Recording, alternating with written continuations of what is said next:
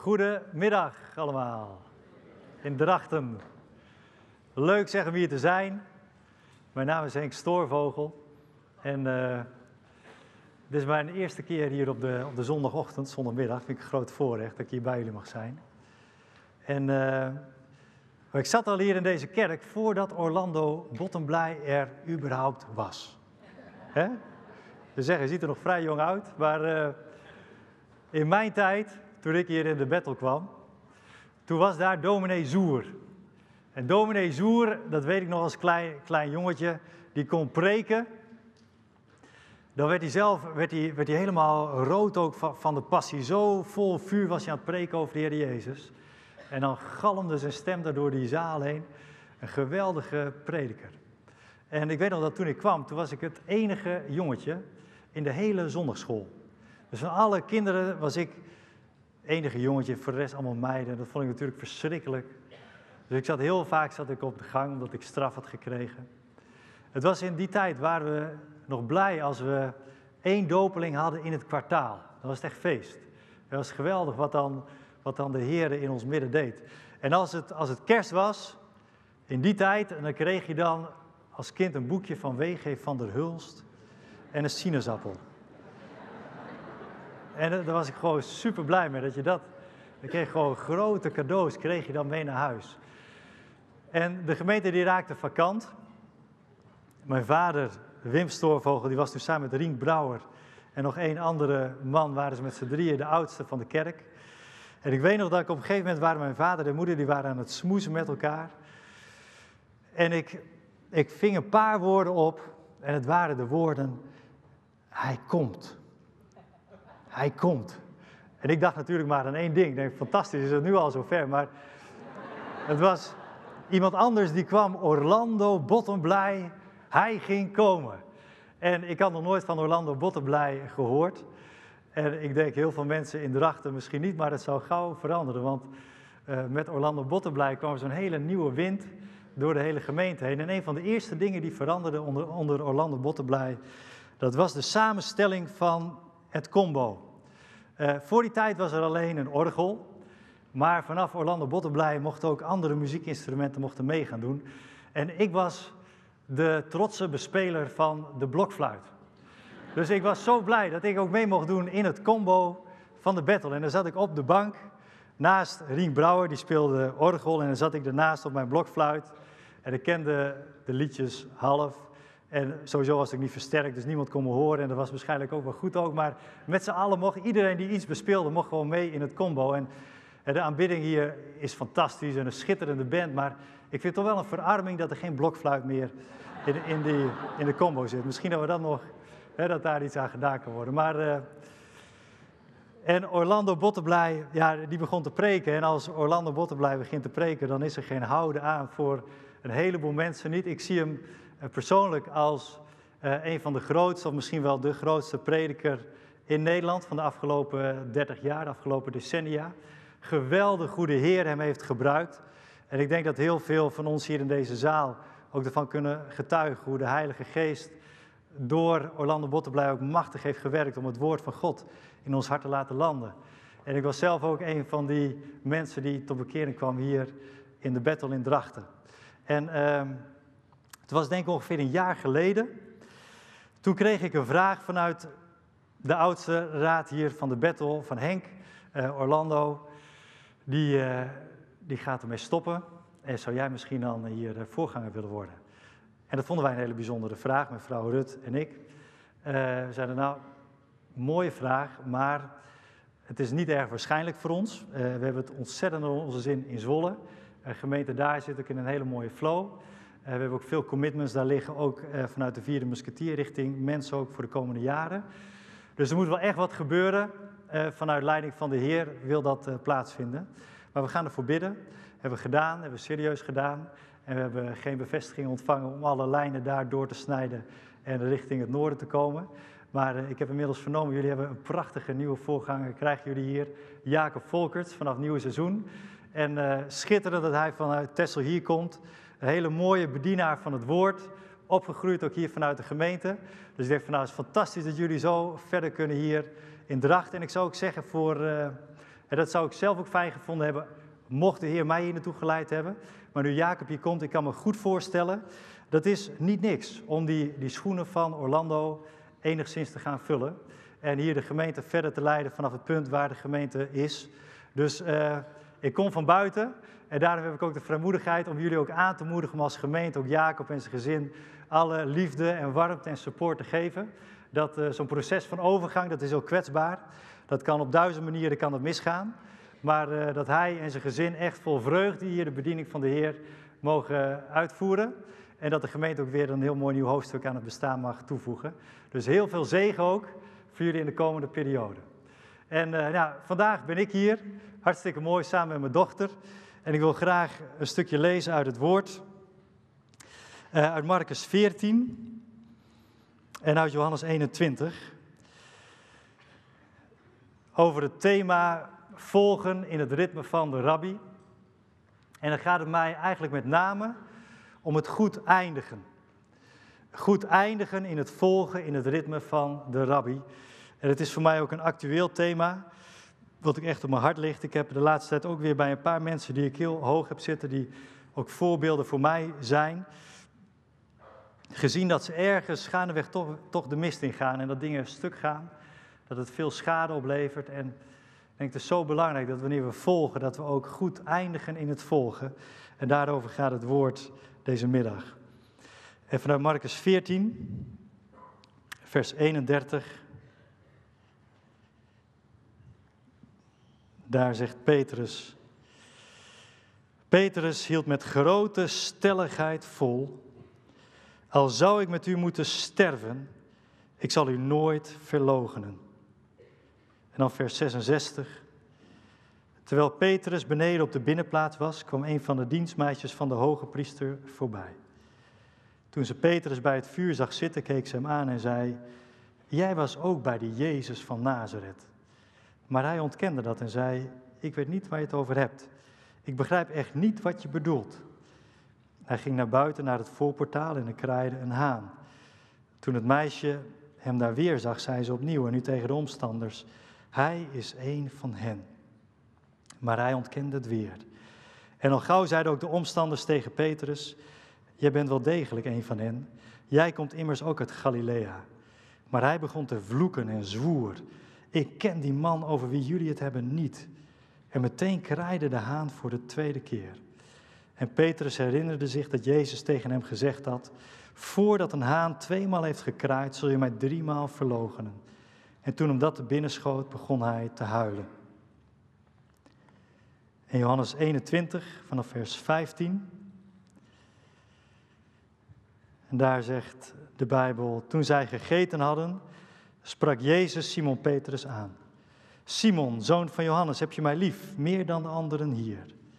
Petrus antwoordde: Ja, Heer, u weet dat ik van u houd.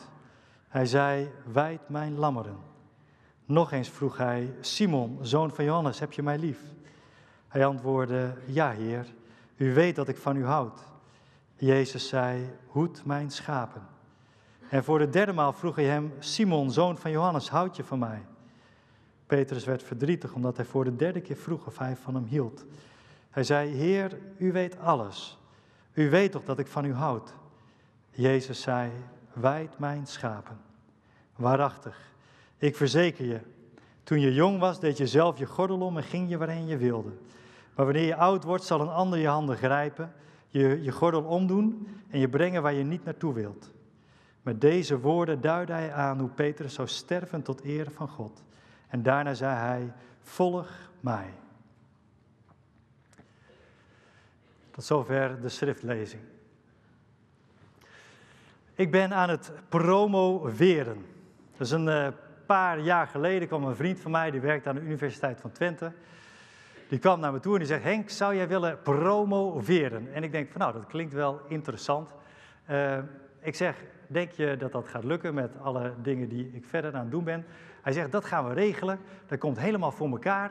Dus zou je willen promoveren? Ik zeg, nou, ik wil wel uh, promoveren, maar dan in de veranderkracht van preken. Hij zei, prima, dan gaan we dat regelen.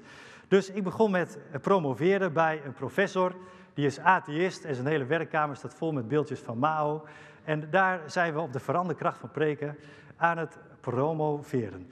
En ik heb uh, een aantal dingen zo ontdekt door de jaren heen. Dat is nog niet eenvoudig om daadwerkelijk te promoveren. Drie redenen. Eén, het is lastig. In die zin, je moet onderzoek doen, echt wel veel onderzoek doen.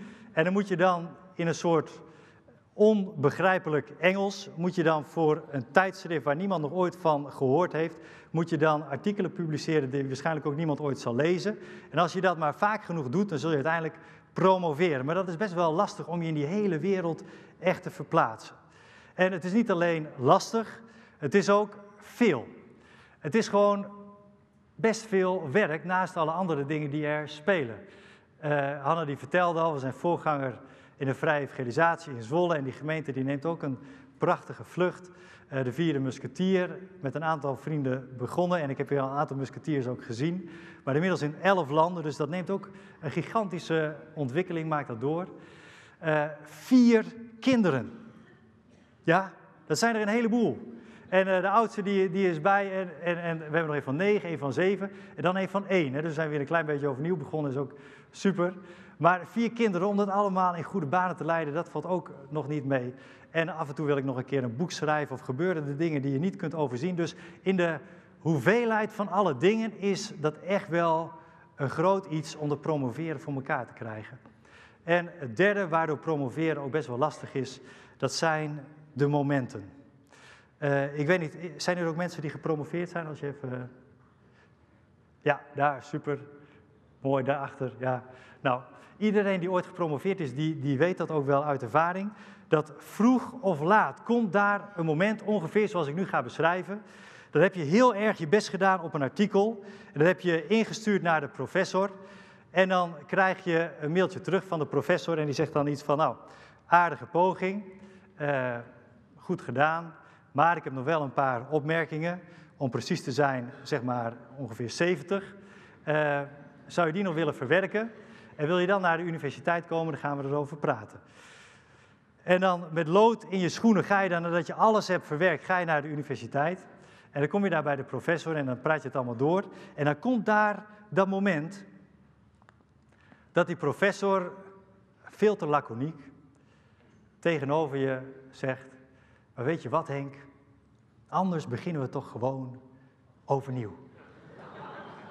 Dat soort momenten. Dat de moedje in de schoenen zakt en dat je denkt: van dit gaat me echt helemaal nooit van zo lang zal zijn leven lukken.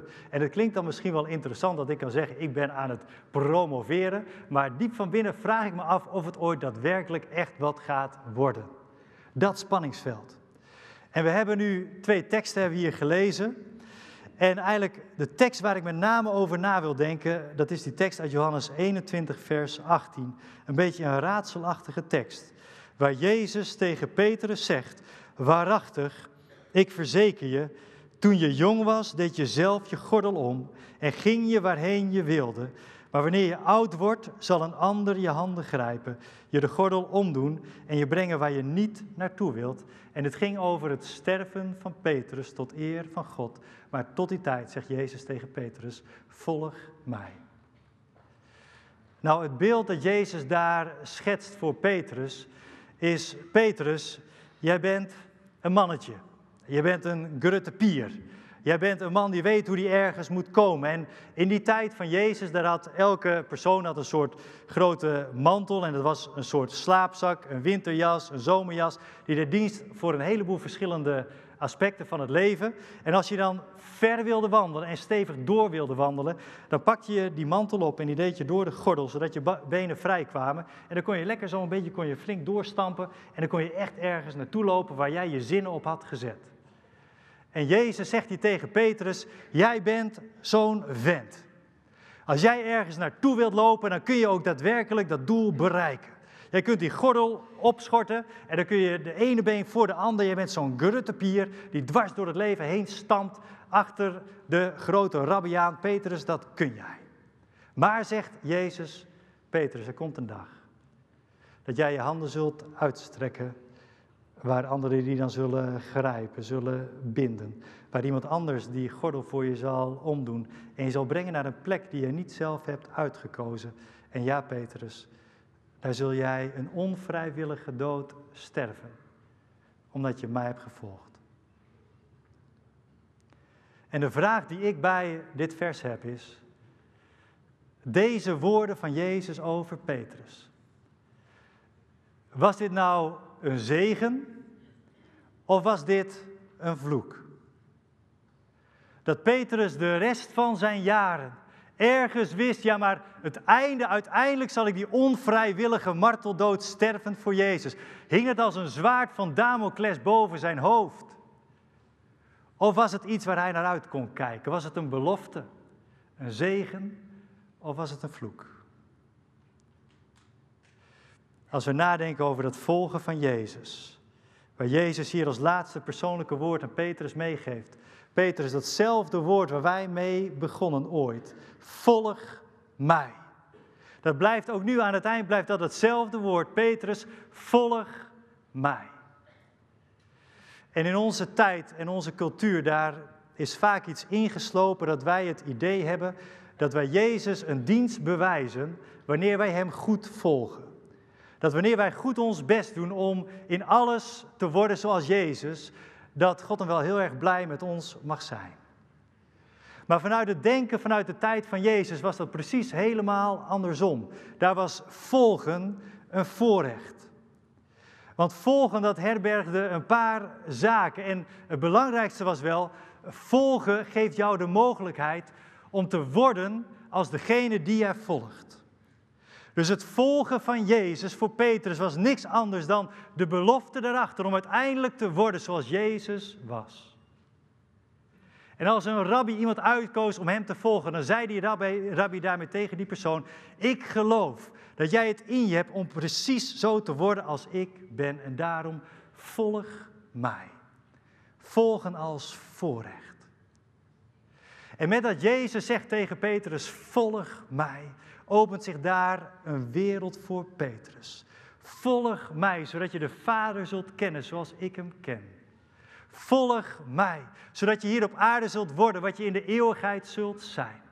Volg mij, zodat ik je hart kan vullen met nieuwe moed en kracht. Dat je die strijd voor recht en gerechtigheid kan voeren. En vreugde en vrede mag verspreiden overal waar je gaat. Ook Petrus, volg mij. En Petrus, hij begon met volgen. Volgen als een groot voorrecht. En zoals we hier bij elkaar zitten vanochtend, zijn hier ook eh, mannen onder ons, misschien ook vrouwen, die de droom hebben gehad om profvoetballer te worden. Is iemand die dat durft te zeggen? Wie, wie wilde hier wel profvoetballer worden vroeger? Jij wil dat worden? Super. Jij, jij hebt de kans nog, hè? Als je flink door blijft trainen, dan word je dat gewoon, jongens. Superman. Mooi. Zijn er hier nog wat, wat oudere mensen die zeggen, ja, het was wel mijn droom, maar het is net niet helemaal gelukt. Bijna, maar... Iemand? Ja, ja hier, ah, daar is iemand. Um, hoe, hoe heet jij? Sorry? Rudy, Rudy. Rudy, jij wilde profvoetballer worden, super bij, uh, bij Heerenveen misschien denk ik hier. En uh, wat was jouw positie in het veld? Spits, mooi, spits. Nou Rudy, stel je voor dat hier tijdens deze dienst komt hier de limousine voorrijden. En uh, daar stapt iemand uit en dat is warempel niemand minder deze ochtend dan Messi. En Messi die komt hier de zaal binnen en uh, hij zegt, Henk, we even stoppen met de preek, want hier is een man, Rudy, en ik heb een boodschap voor hem. En Messi die gaat naar Rudy toe. En hij zegt, Rudy, uh, hoe oud ben je, nu, Rudy? 46? Mooie leeftijd. Zeg, Rudy, ik weet, jij bent nu 46 en uh, ik ken je droom dat je profvoetballer wilde worden, is net niet gelukt. Maar.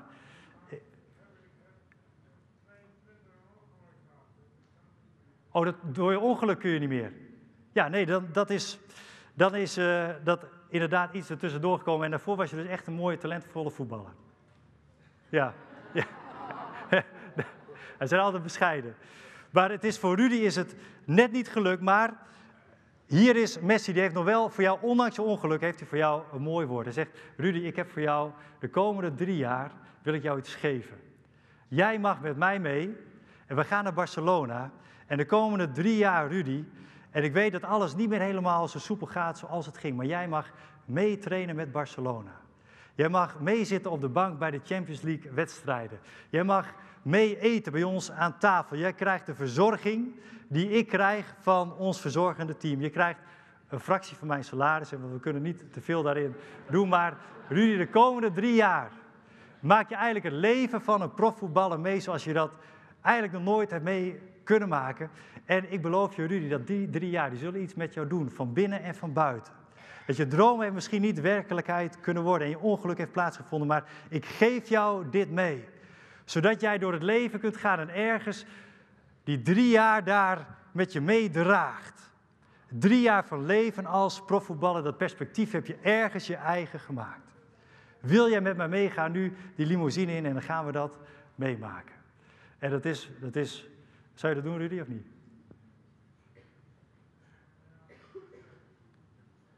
Daar moet je even over nadenken. ja, dat is ook niet niks. Maar volgen als voorrecht. Dat is hier het idee van Jezus die bij Petrus komt. En het is niet zo, joh, Petrus, wil je mij een dienst bewijzen en wil je de komende jaren achter mij aanlopen in iets wat je helemaal niet wilt? Nee, het is, Petrus, wil jij, wil jij een glimp opvangen van de Champions League? Wil je met me mee naar Camp Nou? Wil jij me mee al die grote spelers? En dan gaan wij het meeste wat er nog in jou zit, gaan wij maken van jouw voetbalcarrière. Je mag het mee gaan maken de komende jaren. En Petrus, hij wilde dat. Hij wilde als, als geen ander, wilde hij promoveren. Wilde hij promoveren daarin die kunst van het volgen van Jezus. Wilde hij God leren kennen als nooit tevoren. En Petrus, hij begon met het volgen van Jezus. Maar ik kwam erachter, dat was best wel lastig. Er waren die momenten dat Jezus dan in één keer wandelde over water. En dat iedereen dacht, Jezus wandelt over water, dat durf ik niet. Ik durf niet achter hem aan te gaan, maar Petrus die wist, ik wil een exacte kopie worden van Jezus. En daarom, Heer Jezus, mag ik naar u toe komen lopen. En Jezus gaf hem het bevel. Hij sprong de boot uit. En hij liep over water naar Jezus toe. Het was lastig, maar hij deed het. En hij hield het vol bijna tot het einde toe. Maar Petrus gezegd had, al zal iedereen u verlaten, ik ben bereid om met u te sterven. Verlogenen zal ik u nooit. En wat hield hij dat lang vol? Ja, dat tot in die hof van Gethsemane. Daar was hij als de enige bereid om het zwaard op te pakken en te vechten voor Jezus. Als een van de twee was hij bereid om achter Jezus aan te gaan naar het huis van Annas en Caiaphas en daar de berechting mee te maken. Want hij wilde in alles, wilde hij volgen in het ritme van de rabbi, om zoveel mogelijk te gaan lijken op zijn grote leermeester Jezus. Het was lastig, maar hij deed het. Het was niet alleen lastig, het was ook veel. Johannes die schrijft aan het einde van zijn evangelie, ik heb nu al heel veel geschreven hier in dit boek, maar als ik alles zou moeten opschrijven, wat er is gebeurd in die drie jaar van het volgen van Jezus, dan zouden denk ik al de bibliotheken van de wereld de boeken nog niet kunnen bevatten met al die grote verhalen van wat Jezus heeft gedaan. Wat was het veel? Het was lastig en het was veel. En als wij hier zitten vanochtend als volgelingen van Jezus, dan denk ik dat velen van ons dat volgen zijn begonnen vanuit enthousiaste overgave. Ja, laat ons Jezus volgen. Laat ons dat serieus nemen om zoveel mogelijk te gaan lijken op Hem. Maar gaandeweg heb je misschien ontdekt dat het niet altijd makkelijk is. Dat het soms best lastig is om dat volgen vol te houden. Dat het ook zo veel kan zijn. Te midden van alle dagelijkse beslommeringen dan ook nog dat volgen goed doen. Dat is niet eenvoudig. Maar ook zijn daar de momenten.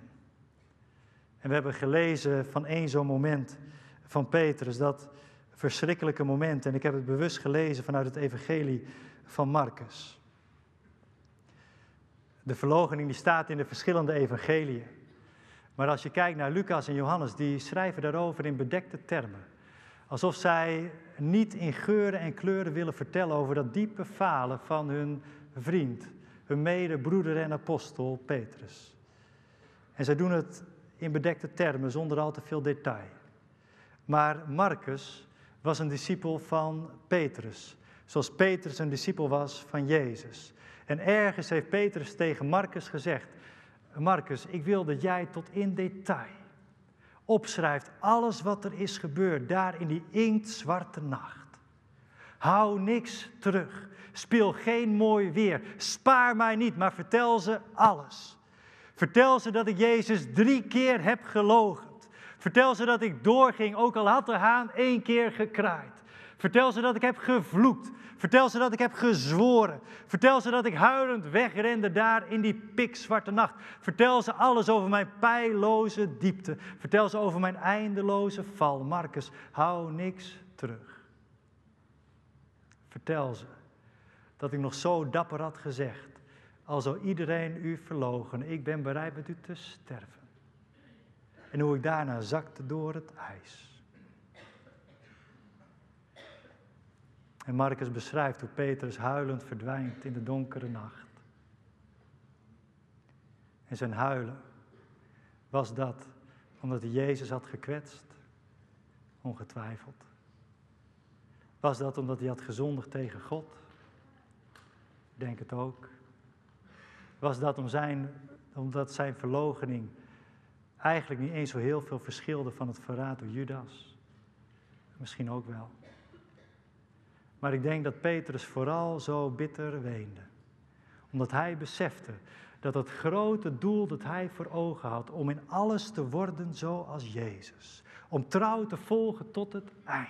Hij die over water had gelopen. Hij die had gevochten voor Jezus. Hij die verder meeging dan wie dan ook. Dat hij daar in het zicht van de haven alsnog was gestrand.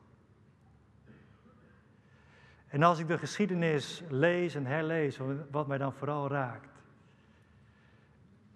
is eigenlijk dat die verlogening nauwelijks nodig leek. Ja, er wordt hem een paar keer een vraag gesteld, maar hij wordt niet gemarteld. Hij wordt niet mishandeld.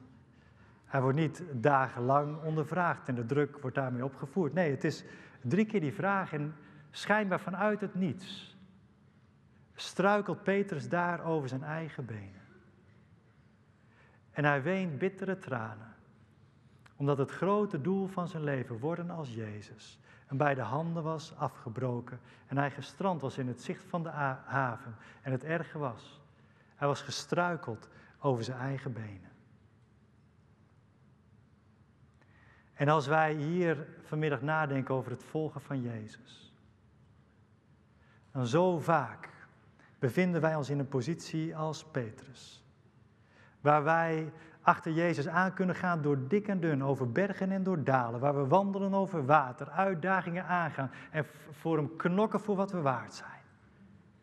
En dat dan zomaar op een ander moment, waar je het eigenlijk helemaal niet zag aankomen. Dat wij struikelen over onze eigen benen. Dat we zondigen terwijl het helemaal niet hoeft. Dat we stomzinnigheden uitvreten die helemaal niet bij ons passen. Waar we later op terugkijken en denken, waarom heb ik dat in hemelsnaam zo gedaan? En heel vaak kan het zo zijn dat wij discipelschap verliezen. Vanuit die eroderende werking van de dagelijkse sleur. Die eindeloze plichtplegingen, alles wat moet. Met een lichtje dat langzaam maar zeker dooft in ons hart. En van buiten kunnen we nog groot houden en volhouden. Kijk eens, ik ben aan het promoveren. Terwijl we diep van binnen al lang niet meer geloven dat het ooit echt gaat lukken. En wat we dan nodig hebben, is hetzelfde wat Petrus nodig had en wat Jezus hem gaf na zijn opstanding. Het is vanuit de opstanding van de Heer Jezus Christus dat Jezus Petrus opzoekt het is een beetje een verborgen ontmoeting daar in de evangelie, maar de tweede persoon die door Jezus wordt opgezocht, daar op paas, paasmorgen, is Petrus. Na Maria gaat hij eerst naar Petrus. En we weten niet wat daar precies gezegd is. Maar ik denk dat daar schuldbeleidenis is geweest. Dat Petrus daarom vergeving heeft gevraagd. En dat Jezus Petrus daar vergeving heeft geschonken dat daar die relatie weer is hersteld. En het is vanuit die vergeving Dat Petrus met zijn vrienden is doorgereisd naar Galilea. Het stuk wat wij lazen in de Bijbel. Waar Petrus zei, ik ga weer vissen. Wie gaat er mee? En we zien daar Petrus vissen daar op zijn oude meer, de oude rondjes, waar hij te maken krijgt met zijn oude lege netten. En het lijkt wel alsof alles weer bij het oude is, alleen is Petrus een vergeven visser. En velen van ons die eens zijn begonnen met, met de hoop om te worden als Jezus, met de vastbeslotenheid om een echte volgeling te zijn in het ritme van de rabbi, vinden onszelf jaren later terug als een vergeven visser. Ja, we hebben mooie dingen meegemaakt in het verleden, maar nu is zoveel weer bij het oude. En we hebben weer onze oude lege netten. We zitten weer in onze, in onze oude patronen, de oude rondjes over hetzelfde oude meer. En wie gaat ons daaruit halen? Vergeven vissers. En het is een levensgroot verschil of je leeft als vergeven visser of als vergeven volgeling. En daarom zoekt Jezus Petrus opnieuw op. We hebben het gelezen in Johannes 21. Hij zoekt hem op in het bijzijn van zijn vrienden. En daar stelt hij hem een paar hele persoonlijke vragen. En Jezus vraagt aan Petrus, hou je van mij? Petrus zegt ja.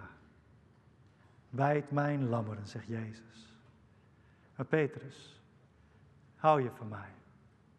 Ja, zegt Petrus. Goed mijn schapen, zegt Jezus. Zegt Petrus, hou je van mij? En dan begint Petrus te huilen. En hij zegt, ja, u weet toch alles, u weet dat ik van u houd. En Jezus zegt, wijd mijn schapen. Wat gebeurt daar? Petrus, die was gestrand in het zicht van de haven gestruikeld over zijn eigen benen. Bijna was het hem gelukt om in alles te worden als Jezus, maar net niet helemaal. En wat was hij teleurgesteld geraakt in zichzelf? Kan ik ooit nog wel echt een volgeling zijn? En hier is Jezus die bij Petrus komt. En Jezus is de goede herder. En alle mensen op aarde, dat zijn de schaapjes. En eens had Petrus die hoop gehad dat hij van schaapje zou kunnen promoveren tot herder. Maar die droom had hij nu uit zijn hoofd gezet. En hier is Jezus die bij Petrus komt en tot drie keer toe tegen Petrus zegt, drie keer, want drie keer was daar de verloochening. Petrus, ik weet dat jij nu leeft als een vergeven visser. Ik weet dat jij uit je hoofd hebt gezet dat je ooit nog kunt promoveren tot herder. Maar Petrus, ik beloof je, ondanks alles wat er is gebeurd, ondanks jouw drievoudige logening dat je mij kende, Petrus, Jij zult promoveren tot herder. Petrus, jij zult mijn schapen weiden, mijn lammeren hoeden. Petrus, jij zult promoveren. Leef als een vergeven volgeling. En wat zal dit als muziek hebben geklonken in het hart van Petrus, dat ondanks alles Jezus zijn droom voor het leven van Petrus niet heeft opgegeven. En dan komt dat woord waar we mee begonnen. En Petrus, als je dan leeft als herder, je bent nu zo'n mannetje. En je weet waar je naartoe kan gaan. Je kan doelen behalen. Je kan flink stappen door het leven. Maar Petrus, er komt een dag. En ik beloof je, die dag is pas als je oud bent. Je hebt nog veel jaren voor de boeg. Maar Petrus, daar als je oud bent, dan zal iemand anders jou de handen grijpen je de gordel omdoen. Je brengen naar een plek waar je niet wilt zijn. Om daar te sterven tot eer van mijn naam. Een onvrijwillige marteldood. En tot die dag, Petrus, volg mij. En ik denk dat dit woord de rest van het leven van Petrus met hem is meegereisd als de grote zegen als de grote belofte van Jezus over zijn leven. Waar hij zelf had gezegd, als zal iedereen u in de steek laten, ik nooit, ik ben bereid met u te sterven. En hij kon het niet. En hij had gevloekt en hij had gezworen en hij was gevlucht. Maar hier is Jezus die tegen hem zegt, Petrus, dat wat jij ten diepste hebt geprobeerd, maar niet kon. Alsnog zal ik het waarmaken in jouw leven. Jij zult uiteindelijk die onvrijwillige marteldood waar je nu zo bang voor was. Jij zult die sterven en dan zul je niet vloeken. Dan zul je niet zweren dat je mij niet kende. Dan zul je niet proberen weg te rennen in een donkere nacht. Nee, dan zul je trouw blijven tot het einde, Petrus. Als jij oud bent, dan zul je goed eindigen. Jij zult sterven in het harnas. Jouw dood zal zijn tot eer van mij en tot die tijd volg mij.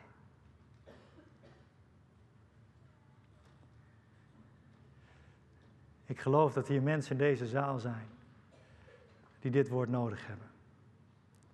Dat de Heer Jezus hier deze dienst is om heel persoonlijk tot jou te spreken.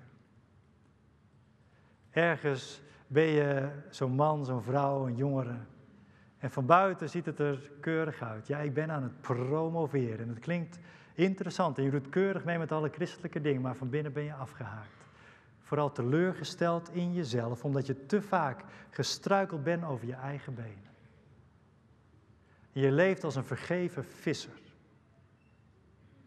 En hier is nu de Heer Jezus die bij jou komt en jou uitnodigt. Zou je mij weer willen gaan volgen? Want ik geloof nog altijd dat als er één sprankje is van liefde voor mij, dat ik jou kan laten uitgroeien van schaap tot herder. Jij zult promoveren. En als er nog iets is in jou dat mij wil volgen, dan beloof ik jou dat je trouw zult blijven tot het eind. En tot die dag volg mij. Ik wil er heel graag voor gaan bidden. En als jij hier zit in deze zaal en je, je weet, dit woord is vandaag ook voor mij. Dan wil ik je vragen om je hart wijd open te zetten. Ik zal ook voor je bidden. En dan mag je ook op de plek waar je zit, mag je God uitnodigen. Jezus uitnodigen. Om je hart weer te vullen. Zodat je Hem weer kunt volgen. Zullen we samen gaan bidden.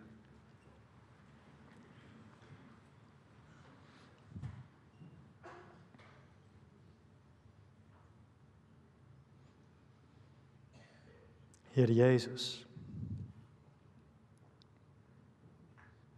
u weet hoe velen van ons eens zo enthousiast en vol overgave zijn begonnen met het volgen van u. En Heer, het was lastig en het was veel. Maar u ziet ook hoe we hebben volgehouden. Maar Heer, er waren ook die momenten. En voor sommigen waren, van ons waren die momenten misschien nog maar kort geleden. Voor anderen van ons al langer terug. Maar die momenten dat wij stranden in het zicht van de haven. Die momenten dat wij struikelden over onze eigen benen. Dat we stommiteiten begingen terwijl het helemaal niet hoefde dat we zondigden terwijl er misschien maar zo weinig verleiding was. Dat we het zelf opzochten. Veel te gauw toegaven. En Heer, u weet wat het met ons heeft gedaan. Dat we ergens het geloof zijn kwijtgeraakt, dat wij werkelijk kunnen worden zoals u bent. Dat we de hoop hebben opgegeven om trouw te blijven tot het einde. En erin hebben berust om, om, dan, om maar de schijn hoog te houden voor de buitenwacht. Heer, u weet dat sommigen van ons hier in deze ruimte leven als een vergeven visser. En vanmiddag zoekt u ons op. U zoekt ons op, omdat u niet alleen gelooft in ons, maar nog veel meer gelooft in uzelf. In datgene wat u kunt doen in ons, gebroken aardevaten. En u wilt ons leiden van vergeven visser naar vergeven volgeling. En Jezus is hier en hij ziet jou. En hij spreekt tot jou, mijn geliefde dochter, Mijn geliefde zoon, hou je nog van mij? Is er nog een waakvlammetje van liefde voor mij? Is er nog een vonkje van liefde voor mij? En als dat er is, dan wil ik tegen je zeggen, hoed mijn schapen. Begin weer met volgen. Sta op.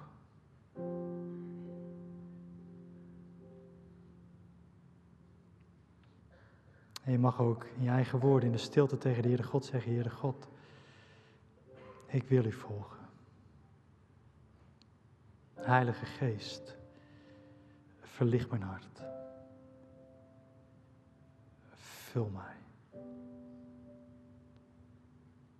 Geef een nieuw vuur.